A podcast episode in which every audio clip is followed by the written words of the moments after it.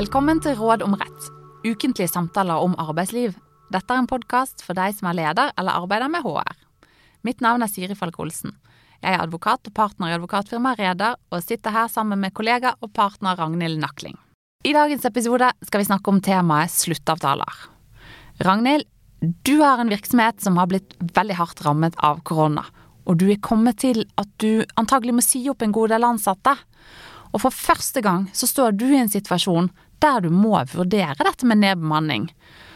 Og du tenker på om du kanskje skal forsøke å inngå sluttavtaler med de ansatte istedenfor å si de opp. Er dette lurt? Ja, du bør i hvert fall vurdere det. For hva er egentlig en sluttavtale? Det er det samme som man noen ganger kaller en fratredelsesavtale, andre ganger kaller man det en sluttpakke. De begrepene brukes litt om hverandre. Men uansett så er det en avtale mellom en arbeidsgiver og en arbeidstaker om at arbeidsforholdet skal avsluttes.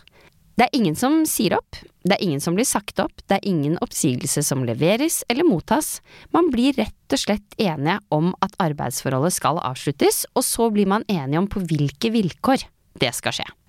Hvorfor finnes egentlig sluttavtaler, og hvorfor velger man å inngå det?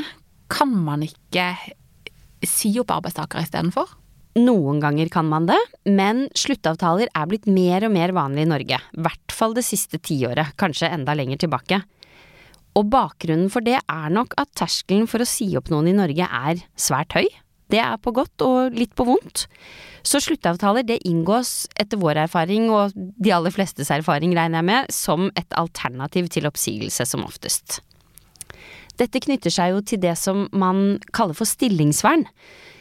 Veldig enkelt sagt så går det ut på at man ikke kan si opp en arbeidstaker bare fordi man er litt misfornøyd med jobben personen gjør, eller fordi man har lyst til å bytte ut personen med kanskje noen som er fyll inn det som passer, litt yngre, litt flinkere, et eller annet. Og heldigvis, mener jo de fleste av oss, så går ikke det an.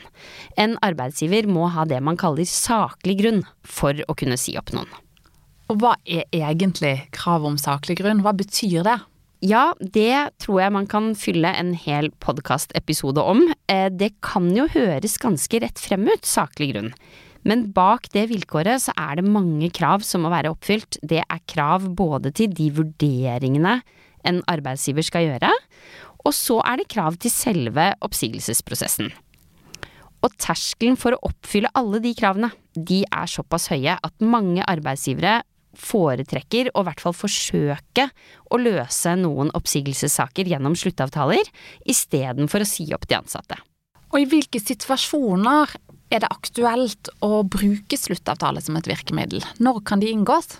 Jeg tenker at det er i hvert fall mest praktisk å kanskje dele det opp i to hovedkategorier.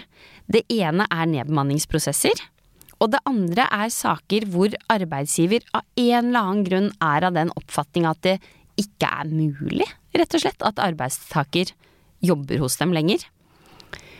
Mange ansatte kan jo også kreve en sluttavtale, og så vil de kanskje ikke nødvendigvis få det, men de vil ønske å motta en sluttavtale og inngå en sluttavtale, istedenfor alternativet som ofte i hvert fall kan være en oppsigelse. Så hvis jeg skal prøve å svare klart på spørsmålet ditt, da, så fins sluttavtaler fordi det er et praktisk alternativ til oppsigelser.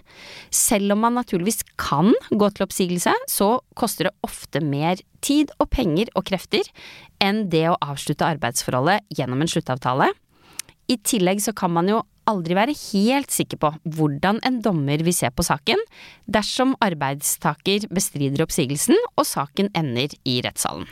Så med det mener du at sluttavtale kan være en måte å kjøpe seg ut av en vanskelig situasjon på for arbeidsgiver? Ja, det kan være det. Men på den annen side så har jeg også hatt mange saker, det har sikkert du òg, hvor ansatte hos en arbeidsgiver som vi har bistått har gjort noe veldig kritikkverdig, som egentlig alle vet at er saklig grunn for oppsigelse. Men der har kanskje ikke arbeidsgiver noe ønske om å måtte sette det stempelet på den aktuelle ansatte, og den ansatte vet at alternativet er oppsigelse, eller kanskje avskjed, at man må gå på dagen. Og da kan sluttavtale i de sakene også noen ganger være et godt alternativ. Det kommer selvfølgelig an på. Samtidig så er det jo viktig å si at i den type saker så vil det i utgangspunktet aldri følge med noe penger med en sånn sluttavtale. det vil maksimalt være at man da eventuelt får fri oppsigelsestiden fordi arbeidsgiver rett og slett ser seg tjent med det, og at arbeidstaker beholder lønnen i den perioden, men det var det. Ja, nå tenker jeg at du er inne på noe som er ganske sentralt når man snakker om sluttavtaler. For hva skal man egentlig skrive i en sluttavtale? Hva skal man regulere i avtalen? I utgangspunktet så er det partene som bestemmer det, for dette er en frivillig avtale hvor de bestemmer hva som skal stå. Det står ingenting i arbeidsmiljøloven om hva som skal stå i en sluttavtale, det står ingenting om det i noen andre lover heller. Men det har utviklet seg en form for praksis, og det er noen forhold som bør være med. Det ene er at man regulerer når arbeidsforholdet skal avsluttes, når det opphører, som vi advokater ofte sier. Og det andre man ofte regulerer, er når arbeidstaker skal slutte å jobbe, særlig dersom det ikke er på samme tidspunkt da, som arbeidsforholdet opphører. Det trenger jo ikke alltid være samtidig, arbeidstaker kan få fri i oppsigelsestiden, men likevel motta lønn.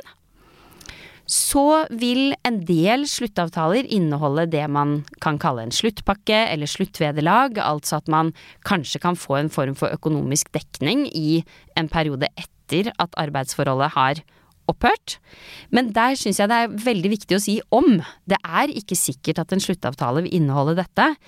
Jeg er ikke så veldig glad i ordet sluttpakke eh, personlig, fordi det gir en forventning om at idet man inngår en sluttavtale, så vil det alltid følge med noen penger. Likevel så bruker man det noen ganger for enkelhets skyld. Men det er viktig å minne om at det ikke alltid er med, og som jeg var inne på i stad, særlig ikke dersom alternativet er en helt klar oppsigelse eller avskjed måtte gå på dagen. Og er det andre ting eh, som er viktig at arbeidsgiver tenker å ha med i en avtale? Det er i hvert fall viktig at man har tenkt over om man skal skrive noe om ferie, feriepenger, kanskje utstyr som arbeidstakeren har, men som arbeidsgiver eier, PC, mobil.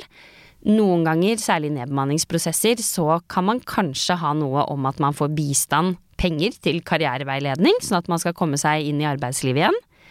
Og i tillegg så er det noen standardbestemmelser som, som oftest er med, om taushetsplikt, og særlig viktig det om at alle forhold mellom partene skal være opp og avgjort når man undertegner, at ingen kan gå til sak, og at det ingen er noen som kan kreve noe av den andre parten når man har skrevet under.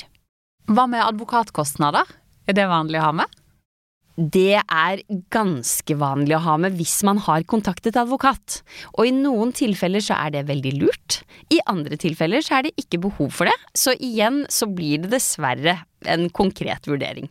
Må arbeidstaker akseptere en sluttavtale hvis arbeidsgiver tilbyr dette, og kommer med et forslag om et konkret tilbud, må man akseptere det? Absolutt ikke. Det er ingen som kan tvinge noen til å inngå verken en sluttavtale eller en annen type avtale. Verken arbeidstaker eller arbeidsgiver. Hvis det ikke er en frivillig avtale, så er det ikke en gyldig avtale. Og man kan heller ikke ta inn bestemmelser i avtalen som ikke begge to er enige om at skal stå der. Så er det en annen ting jeg tenker det er viktig å ha med seg, og det er at det må ikke være saklig grunn for oppsigelse for at man skal kunne inngå en sluttavtale. I noen situasjoner så ser nok begge parter seg kanskje tjent med å gå hver til sitt. Man har funnet ut at dette er kanskje den riktigste veien, eller muligens bedre sagt den minst gale veien, for begge parter. Da kan en sluttavtale skape langt mindre konflikt enn alternativene, for alternativene er jo to. Det er enten oppsigelse eller at arbeidsforholdet fortsetter. Og for en arbeidstaker så vil det jo være veldig vanlig at man aldri har stått i denne situasjonen før. Det er første gangen man forhandler eller diskuterer med arbeidsgiver om en avslutning av arbeidsforholdet gjennom en sluttavtale. Hvordan passer man som arbeidsgiver på at arbeidstaker forstår hva som skjer og hva dette innebærer? Da må man ta seg tid, og man må forsikre seg om at arbeidstaker har forstått, og at arbeidstaker blir forklart hva innholdet i denne avtalen er. Det betyr jo faktisk at man oppgir den viktigste rettigheten man har som arbeidstaker. Man oppgir stillingsvernet sitt, man oppgir jobben sin, og dermed også lønnen som man får hver måned. I disse situasjonene så er man jo noen ganger også uenig om bakgrunnen for at man i det hele tatt snakker om en sluttavtale, og man er ofte uenig om arbeidsgiver har saklig grunn for oppsigelse. Og da må arbeidstaker huske at hvis man aksepterer en sånn sluttavtale, så gir man i utgangspunktet også fra seg muligheten til å kunne forfølge den uenigheten. Kanskje et dumt spørsmål, men kan alle arbeidsgivere og alle arbeidstakere inngå sluttavtaler? Og kan det skje når som helst i et ansettelsesforhold? Ja, på begge spørsmål.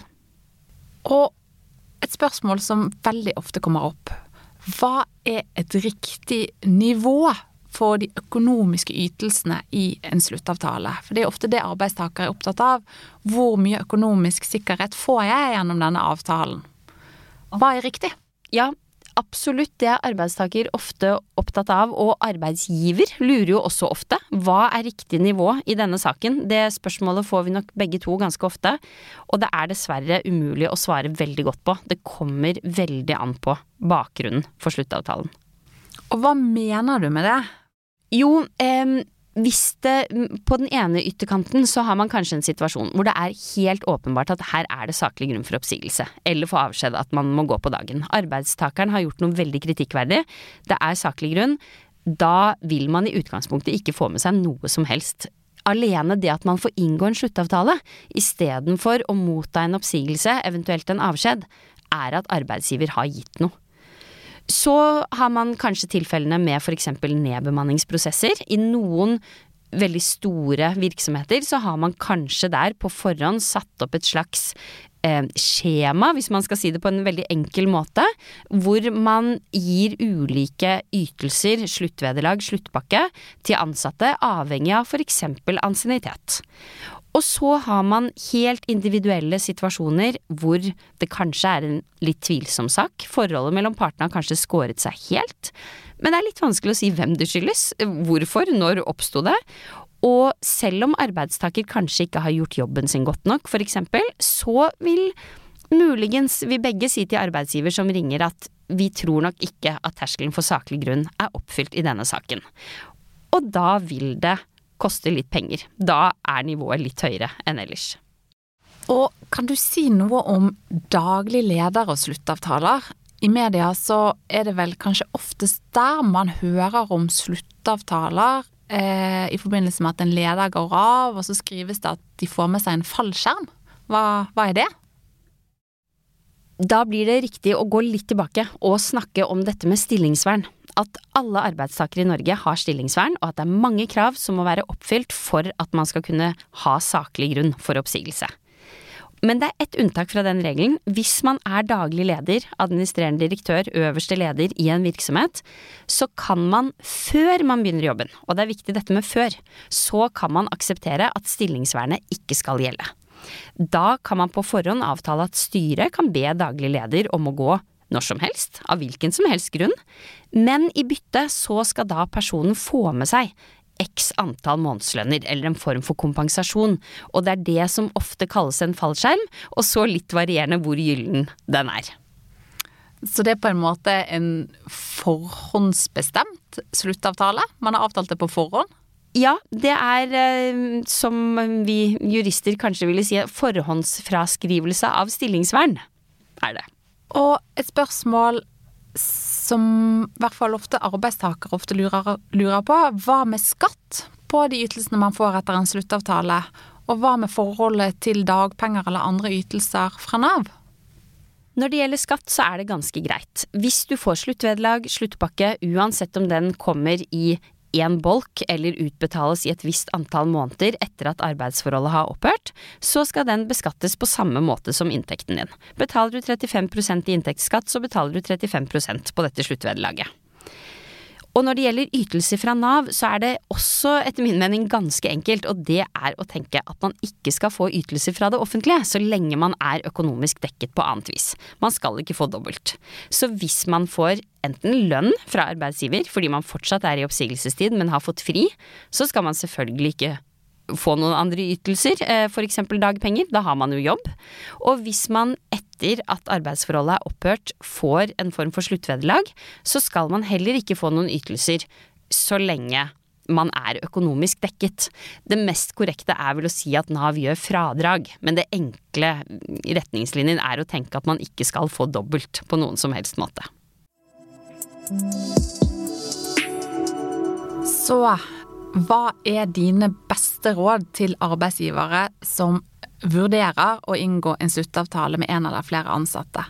Som den arbeidsgiveren vi startet episoden med. Det ene rådet det vil være å bruke tid.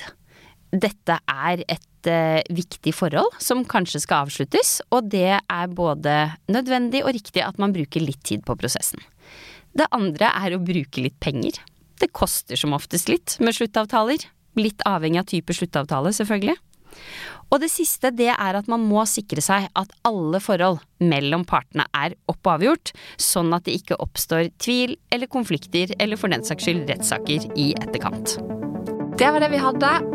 Vi kommer tilbake med nytt tema og nye tips i neste episode.